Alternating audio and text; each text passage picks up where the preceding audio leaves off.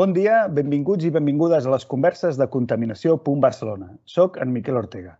Avui parlarem sobre l'acordat a la recentment acabada trobada de Nacions Unides de canvi climàtic i tractarem d'esbrinar si ha estat un èxit, un fracàs i com es relaciona l'acordat amb el que passarà a Barcelona en un futur. Per fer-ho, contem amb l'Anna Pérez, que és experta en política climàtica, treballa a l'IDRI, que és un dels principals think tanks francesos especialitats en desenvolupament sostenible i ha assistit a la cimera. Sense més, benvinguda, Anna, i moltes gràcies per voler participar en aquestes converses. No, gràcies a vosaltres. Doncs comencem. Eh, abans d'entrar en el tema i per contextualitzar una mica i situar l'oient, explica'ns què és l'IDRI i quina és la teva funció dins d'aquest centre. Vale, sí, és, és una bona pregunta perquè és una mica complicat. Uh, IDRI vol dir Institut del Desenvolupament Sostenible i les Relacions Internacionals. Vindria a ser com una espècie de centre de recerca, però bastant aplicat. No? És el que, el que li diem un think tank um, que, està, que té seu a París, que té una relació amb la, amb la Universitat de Ciències Polítiques de París, la Universitat de Sciences Po, i el que fem és treballar en general perquè es doni una transició no? cap a un model més sostenible. Llavors aquí hi ha grups que fan agricultura, grups que fan oceans, etc etc.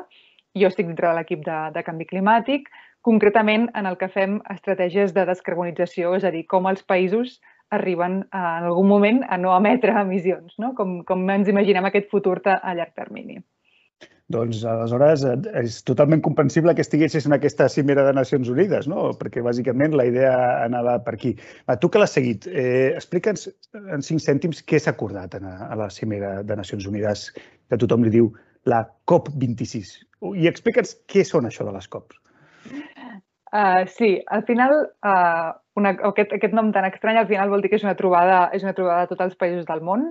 És a dir, l'any 92 es va signar una convenció marc de, de Nacions Unides que parlava específicament de canvi climàtic i el que fem és trobar-nos tots aquells països, que són tots, els que van, els que van signar aquesta convenció. No? És una, una negociació formal dintre del marc de Nacions Unides. Mm, llavors, han anat fent moltes coses durant els anys, entre elles doncs, que el protocol de Kyoto, no? l'acord de París és el més recent i ens trobem a la, a la COP26 que el que feia era arrossegar molts temes que havien quedat pendents des de, des de París. No? L'acord de París eh, és el que marca com una mica l'agenda la, climàtica mundial ara mateix, eh, però és un acord com molt genèric que s'ha hagut d'anar com desgranant.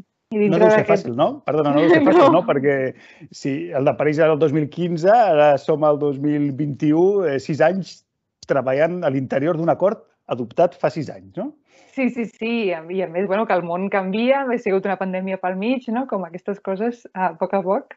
Però, bueno, llavors, una de les coses que ha aconseguit aquesta cimera és tancar el llibre de regles. No? Hi havia una part que ja estava acabada i ara hem acabat de decidir com l'implementarem sempre van quedant detalls, no? com sempre haurem d'anar seguint fent coses, però com aquesta part de la feina està, està tancada, que era un, bueno, una de les coses que arrossegàvem. No? Amb això podem dir que és més o menys èxit que hagin pogut tancar aquest, aquest tema. Però, òbviament, a les, a les cimeres sempre passen altres coses, no? I sempre hi ha o debats anteriors que es van, que es van arrossegant i que arriben a, a avui, o temes polítics no? que entren dintre de la, dintre de la cimera, més, més amplis. Llavors, eh, també s'ha parlat, doncs, per exemple, tot el tema de, de finançament, no? que és un altre dels grans temes uh, dintre l'acord, o, bueno, no sé, podríem, podríem dir molts. Um, potser el que, el que més ha sorprès a tothom ha sigut com aquesta reafirmació de, de la ciència, no? de posar la ciència al davant i també d'assenyalar de, l'acabada de, del carbó, no? d'alguna manera, però ja, i li donarem voltes, si vols. Sí, i tant, i tant. Anirem parlant eh, avui sobre tots aquests temes perquè són verdaderament importants i complexes. No? Però abans de, de res, eh, sí que m'agradaria fer-te una pregunta molt general. No? O sigui, a Barcelona sabem que el canvi climàtic tindrà impactes, no? d'una manera ja inevitable, perquè ja està, és un procés que està en marxa. La intensitat o no de l'impacte és diferent, no? i això sí que, sí que en parlarem després de les mesures que es van prenent per tractar de suavitzar al màxim possible els impactes. Barcelona sabem que tindrem major freqüència i intensitat dels fenòmens meteorològics, no? com les tormentes o, o les pluges torrencials. Sabem que tindrem més onades de calor i més dies de calor i nits de calor i més incòmodes, no?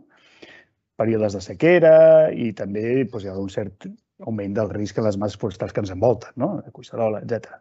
Eh, fins a quin punt creus tu que aquesta cimera ha contribuït a solucionar aquesta problemàtica? Quins són els punts forts i els punts febles d'aquesta d'aquesta cimera que farà que al final la ciutat sigui més o menys confortable, millor o pitjor? Mm. Sí, jo crec que la part com que ajuda una mica no, a tot això seria la part que comentava ara, que així la, la puc extendre una mica. O sigui, el, el que diu el text final que, que s'ha acordat és, és que posa un número concret. Diu que els països han de reduir emissions en global, eh? no, no, no diu concretament qui, uh, un 45% uh, a l'any 2030 basar, en comparació amb els nivells que tenien el 2010. És a dir, està citant directament la ciència, la última ciència de l'IPCC, dient aquest és el, el camí que hem d'aprendre. I llavors, veient això, diu com que, com que els plans que hem presentat fins ara a nivell internacional no són suficients, no? si sumem tot allò que han dit els països que faran, no arribem a, a mantenir-nos per dintre allò que ens demana la ciència, eh, els hi demana que tornin a entregar els plans, no? com dient, no heu fet bé els deures, torna l'any que ve, eh, i els presentaran de nou a, a la següent cimera, que serà el novembre de l'any que ve a, a Egipte, a, aquí al 2022. Llavors, hi ha una part que, clar, els països se'n tornen a casa seva i diuen, bueno, doncs hem d'augmentar aquesta ambició, no? I per tant, dintre del que seria la lluita la canvi climàtic a nivell internacional, que també li pot afectar a un país o a una ciutat, seria com fem més, no? Com ens posem en la línia aquesta que, que diu la ciència. I per tant, a nivell de Barcelona, seria, bueno, i a nivell de tot arreu, eh, seria tant, tant com despleguem més ràpid renovables, no? com fem una transició a, com a, més enllà del, del cotxe de motor o del vehicle de motor que tenim eh, i, i transformem aquesta mobilitat a una cosa diferent. No? Com, crec que està dient feu-ho més, més millor, més ràpid. No? I llavors això també ho podem aplicar a la, a la ciutat de Barcelona, en certa manera. O sigui, és més ambiciós i més ràpid, les dues coses, no? Això és el missatge que ens estan transmetent des d'aquesta de, cimera. En certa eh, manera, sí. Uh -huh.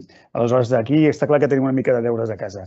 Et volia fer una, una pregunta perquè hem sentit molts missatges, molta discussió al voltant del tema dels combustibles fòssils en general. No?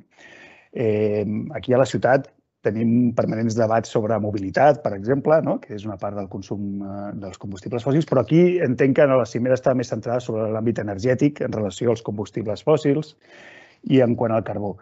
Què ha passat en aquesta cimera? Què s'ha decidit de nou que no estigués en, en altres espais i per què ha estat, una, pel que sembla, un dels temes de discussió fins al darrer moment?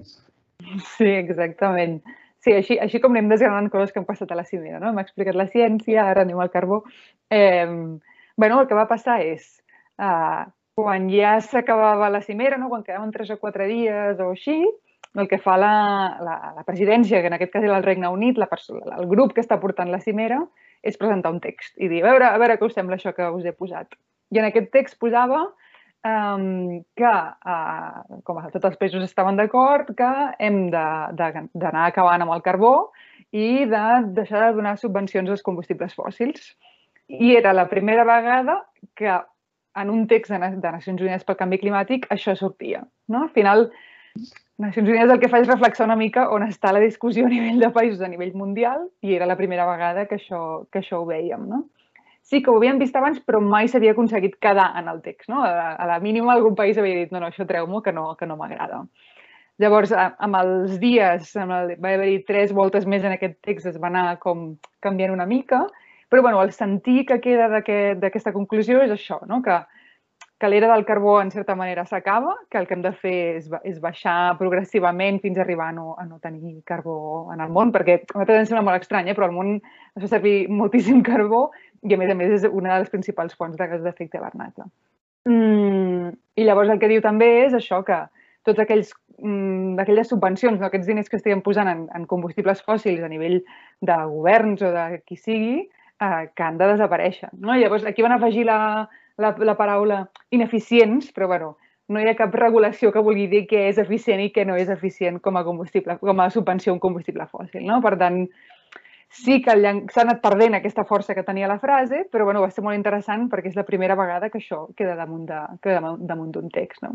I aquí va ser la batalla final. No? La, la Índia, a l'últim moment, també perquè hi havia altres queixes, eh? la Xina tampoc hi estava d'acord, va estar apretant perquè la, aquesta frase fos una mica més, més diluïda. No? En anglès, en lloc de face uh, out, face down, que seria en lloc de deixar-ho completament, doncs de reduir uh, el consum de carbó.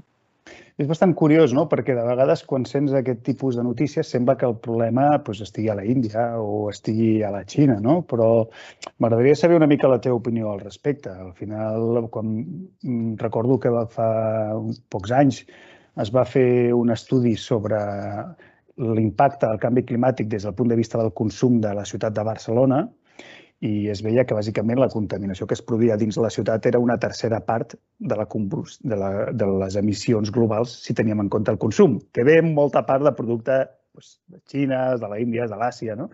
Eh, en general. Eh, són els dolents de la pel·lícula, els indis i els xinos? No, jo, de fet, em surt defensar-los bastant, cosa que no sé si és bo o dolent, però per mi no, per mi els dolents de la pel·lícula... O sigui, ha, tothom és una mica bo i dolent de la pel·lícula, però també en aquesta llista de dolents hem de posar Europa i els Estats Units per moltes altres coses, no? I sí que és veritat, no?, que si ho miréssim per nivell de consum, eh, la majoria de, o no la majoria, però una gran part de les emissions que, que tenen, per exemple, la Xina, eh, ens les hauríem de comptar com a nostres, no? perquè la majoria de coses que consumim les estem exportant d'algun lloc de, de l'Àsia. Eh, important, seria la paraula. eh, però, però, bueno, eh, aquí jo hi jugaria també amb un altre factor i és que no només és, que, és com estem comptant les emissions, que les estem comptant per producció i no per consum, sinó que, a més a més, els països més rics, aquells desenvolupats, van prometre ajudar els països en desenvolupament a fer aquesta transició. I ho havien de fer amb posant diners sobre la taula o ajudant-los tecnològicament o amb temes de capacitat, el que sigui.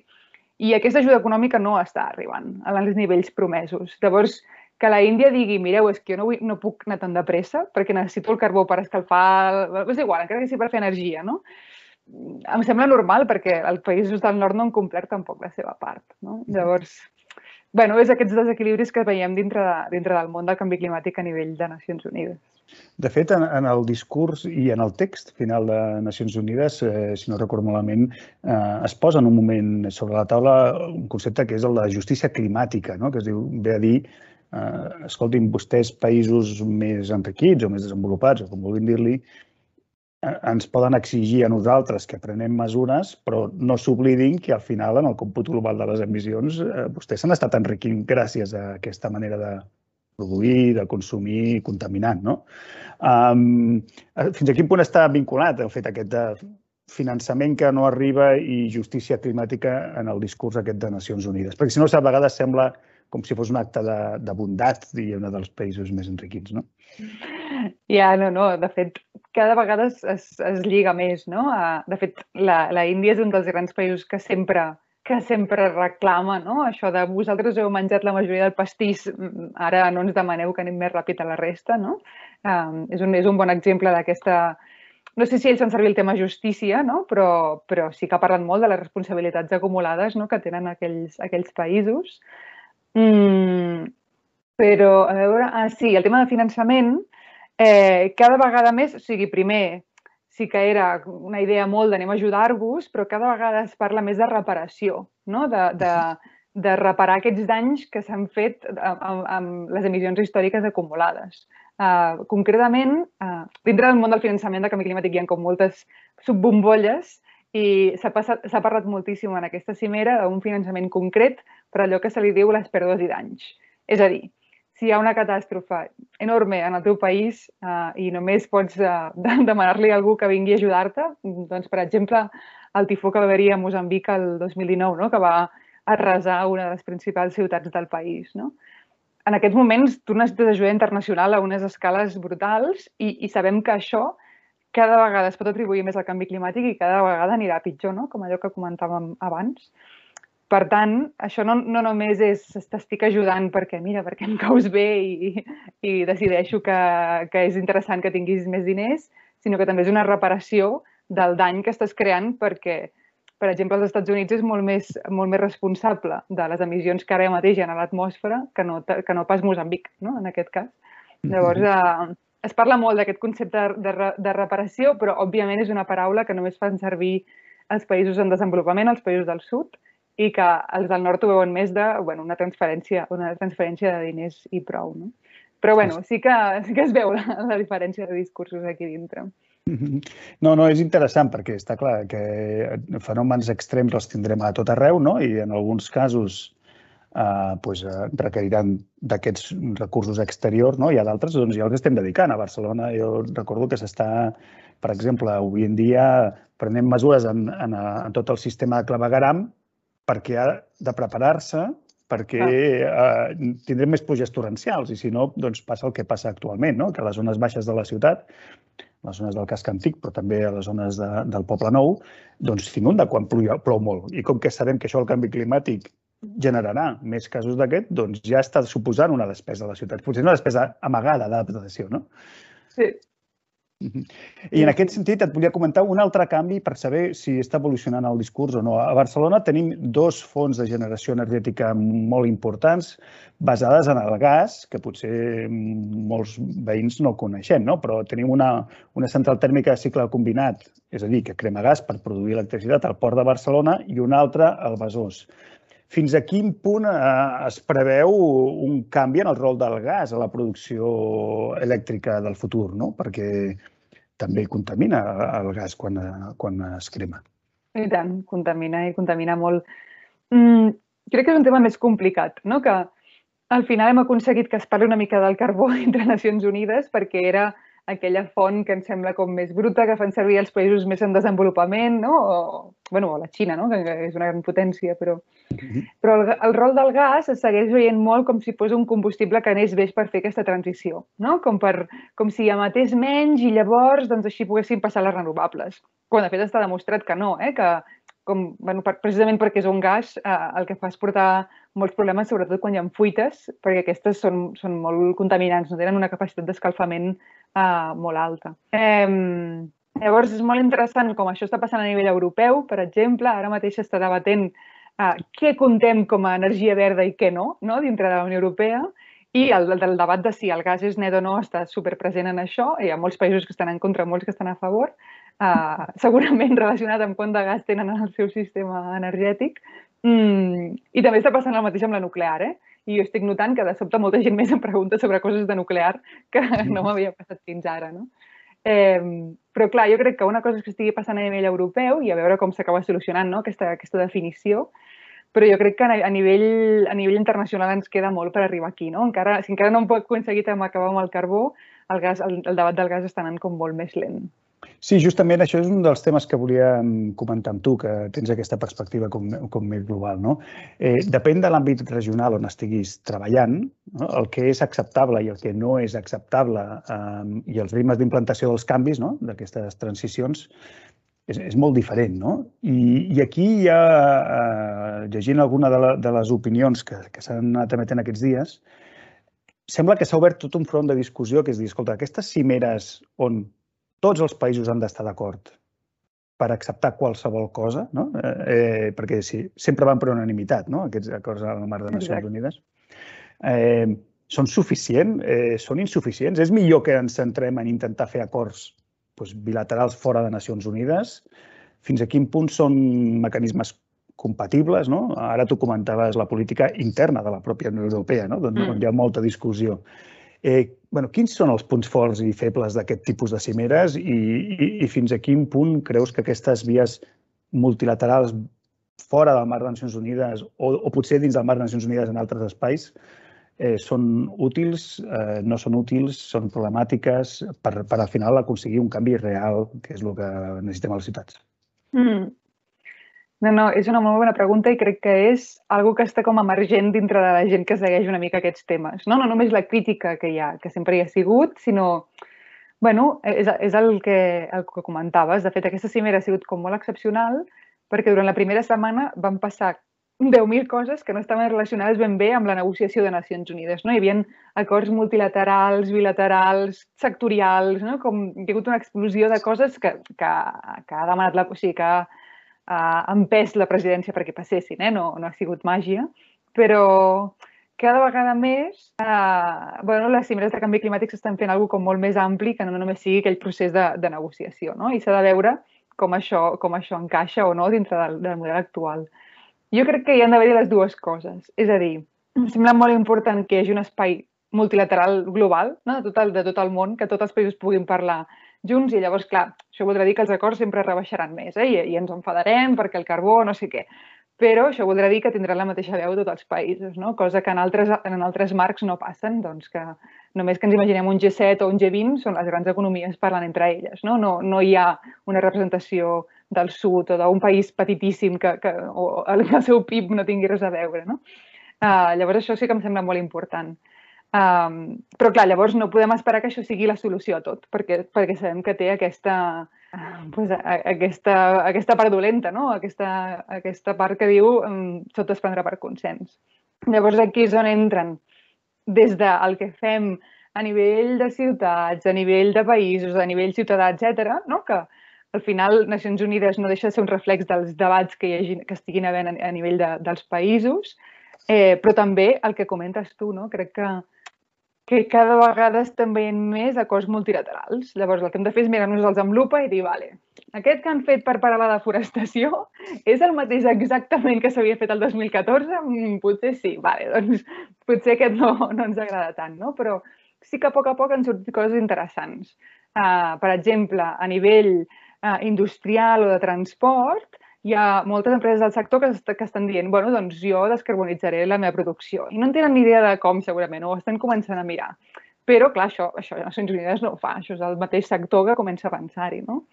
I, I el, que, el, el més interessant de tots, el que estem dintre d'Idris supercontents, és l'acord que ha passat amb, amb Sud-àfrica. Uh, Sud-àfrica ha aconseguit Uh, després de treballar molts anys, feia molts anys que preparaven des, de, des de la pròpia, del propi, propi govern o, o investigadors com un marc de com hauria de ser una transició més enllà del carbó, uh, perquè bueno, Sud-àfrica funcionava bàsicament, bàsicament amb carbó i tenen molts problemes energètics, de, de talls d'electricitat, etc. Sí, sí. I el que recordem, aconseguit... recordem fa uns mesos que va haver uns talls molt forts energètics, no? I que va haver un tema problemàtic sí, el dia a dia de la gent que hi allà, no? Exacte. Llavors, el que, el que si no m'equivoco, Alemanya, Estats Units i França, el que han promès són una quantitat de, de milions a, la, a Sud-àfrica en concepte de fer una transició justa uh, més enllà del carbó. És a dir, de repensar les empreses que porten, que porten carbó, no? de, de que transicionin a ser renovables o el que sigui, però tenint en compte també els treballadors, no? la societat, etc. A veure, no? a veure com s'implementa, com funciona i tal, però és, no té precedents que es donin diners directament a un país, no? I això pot, pot obrir la porta que altres acords així es facin, que és això mateix que demanava la Índia, no? La Índia demanava, doneu-me diners, no, no vull jo sortir del carbó jo sola, no? I això és molt interessant que estigui passant a Sud-àfrica. Que, de fet és interessant no? veure aquests processos de lideratge. No? I, i, i en sí. això les ciutats durant molts anys també han dit no, nosaltres estem tirant del carro, no? però eh, eh, Tu creus que hi ha un espai verdaderament perquè les ciutats treballin, impulsin projectes, continuïn d'alguna manera fent aquest lideratge des de lo petit o mitjà o, o gran, perquè hi ha ciutats que són enormes. No? Eh, I aquí, Barcelona, quin rol creus que pot jugar en, en, en mm. tot això? Sí, jo crec que ara el que comença a passar és que ja hem vist molts, moltes propostes, molts plans, no? com molt, no et diria ni plans, et diria com bueno, doncs objectius, arribarem a no sé quina reducció d'emissions, no sé quin any, no? I això és una mica com funciona tot, el, tot Nacions Unides i, i necessitem que sigui que hi hagi una implementació real. La implementació no la farà Nacions Unides perquè és un marc universal, no? no I de fet, moltes vegades a nivell de país fins i tot és difícil. Hi ha coses que sí, eh? planificar un sistema energètic segurament ho fas a nivell de país. Però llavors aquí crec que que, que és on ve la part interessant d'implementació, no? que es fa pues, això a nivell de regions, de països, però també de ciutats. No? I, I hi ha moltes decisions de com és el, la mobilitat a Barcelona que la decidirem a nivell de ciutat. bueno, a l'àrea metropolitana, si vols, no? però i crec que, que com, com més hem d'avançar en la lluita de, de, del canvi climàtic en la part d'implementació, més, més jugaran rol ciutats o no, o aquestes escales més petites. I no sé si tindran un marc dintre Nacions Unides sempre per presentar-ho, perquè sí que van allà i que presenten coses, però no són un... No, no, no estan negociant, però com que comencen a haver-hi tants actors al voltant que fan coses, com, com explicàvem abans, igual que estan tenint un rol no, doncs els acords sectorials, doncs segurament també les ciutats aniran a explicar el que fan. Sí, sí, està, és interessant perquè verdaderament crec que estem en aquesta fase de passar d'objectius a implementació i també a veure els impactes. No? I aquí la ciutat, eh, en tots dos, és a primera línia de rebre impactes, perquè és on viu la gent, no? I, i per una altra banda, té molt a dir en la implementació, així que verdaderament seran uns anys molt interessants cap al futur. Volia, abans d'acabar, eh, fer una darrera pregunta sobre un dels altres temes que ha estat sobre la taula, no? que és el tema del mercat de les emissions, que això pot sonar una mica estrany per a alguns dels oients. Potser pots explicar una mica què és un dels mercats de les emissions i una pregunta molt bàsica, veurem algun projecte vinculat a això dels mercats d'emissions a Barcelona en un futur o, o no? doncs, a veure, el mercat d'emissions. Això ja ve de, del protocol de Kyoto anterior, no? com ja hi havia un, un mercat i ara l'acord de París deia que n'hi havia d'haver-hi un altre dintre d'aquest acord. El que fa un mercat és comprar i vendre emissions, dir a mi me'n sobren i jo en necessito, doncs ens, ens, les, ens les comprem i així doncs aconsegueixo els meus objectius d'alguna manera i, la, i guanyo diners. No? Eh, així d'una manera fàcil és així, un, un intercanvi de, de drets d'emissió. De, mm, dintre de, del, bueno, dintre de l'acord de París i el que està tancat aquesta cimera, com dèiem al principi, no? que hem aconseguit anar tancant aquest llibre d'implementació de l'acord de París, una part és aquests mercats que dissenyen sobretot dos grans línies, no? Una um, que puguin com negociar entre països i, per tant, eh, comprar i vendre entre països, i una que també inclou altres projectes i, per tant, pugui haver-hi doncs, empreses, etc. Si veurem un projecte a Barcelona, em semblaria interessant. Uh, no s'han definit encara com quines metodologies comptarem. No? Si rehabilito casa meva, i, no sé, una gran onada de rehabilitació, això eh, puc, puc comptar les emissions i vendre com a projecte. No? Encara no sabem què es comptarà. Um, I normalment el que passa és que es van a fer projectes, perquè si, si parlem de projectes concrets, normalment es van a fer allà on és més barat i, per tant, molts projectes es fan al sud, uh, amb els pros i els contres que això suposa, òbviament. Uh, però, bueno, no sé, no, no, no em semblaria descabellat que hi hagués un, una metodologia que entrés dintre del que podem fer a Barcelona. Bé, doncs eh, ho anirem seguint, ho anirem seguint per veure si resulta que acabem fent projectes aquí i venem estalvi de tones a d'altra gent que en necessiti, ja, ja ho veurem. En tot cas, Anna, moltes gràcies per explicar-nos una mica què és el que ha passat en la, en la COP26, què és, el que, què és el que esteu fent al vostre centre i gràcies sobretot per participar en, en aquests diàlegs. Eh, acabem avui el podcast Eh, Recordeu-vos que si voleu saber més coses sobre contaminació a Barcelona, teniu molta més informació a contaminació.barcelona. Animeu-vos, visiteu-la, recomaneu-la si us agrada. Moltes gràcies per escoltar i, Anna, fins a la propera i moltes gràcies. Gràcies a vosaltres. Fins la propera.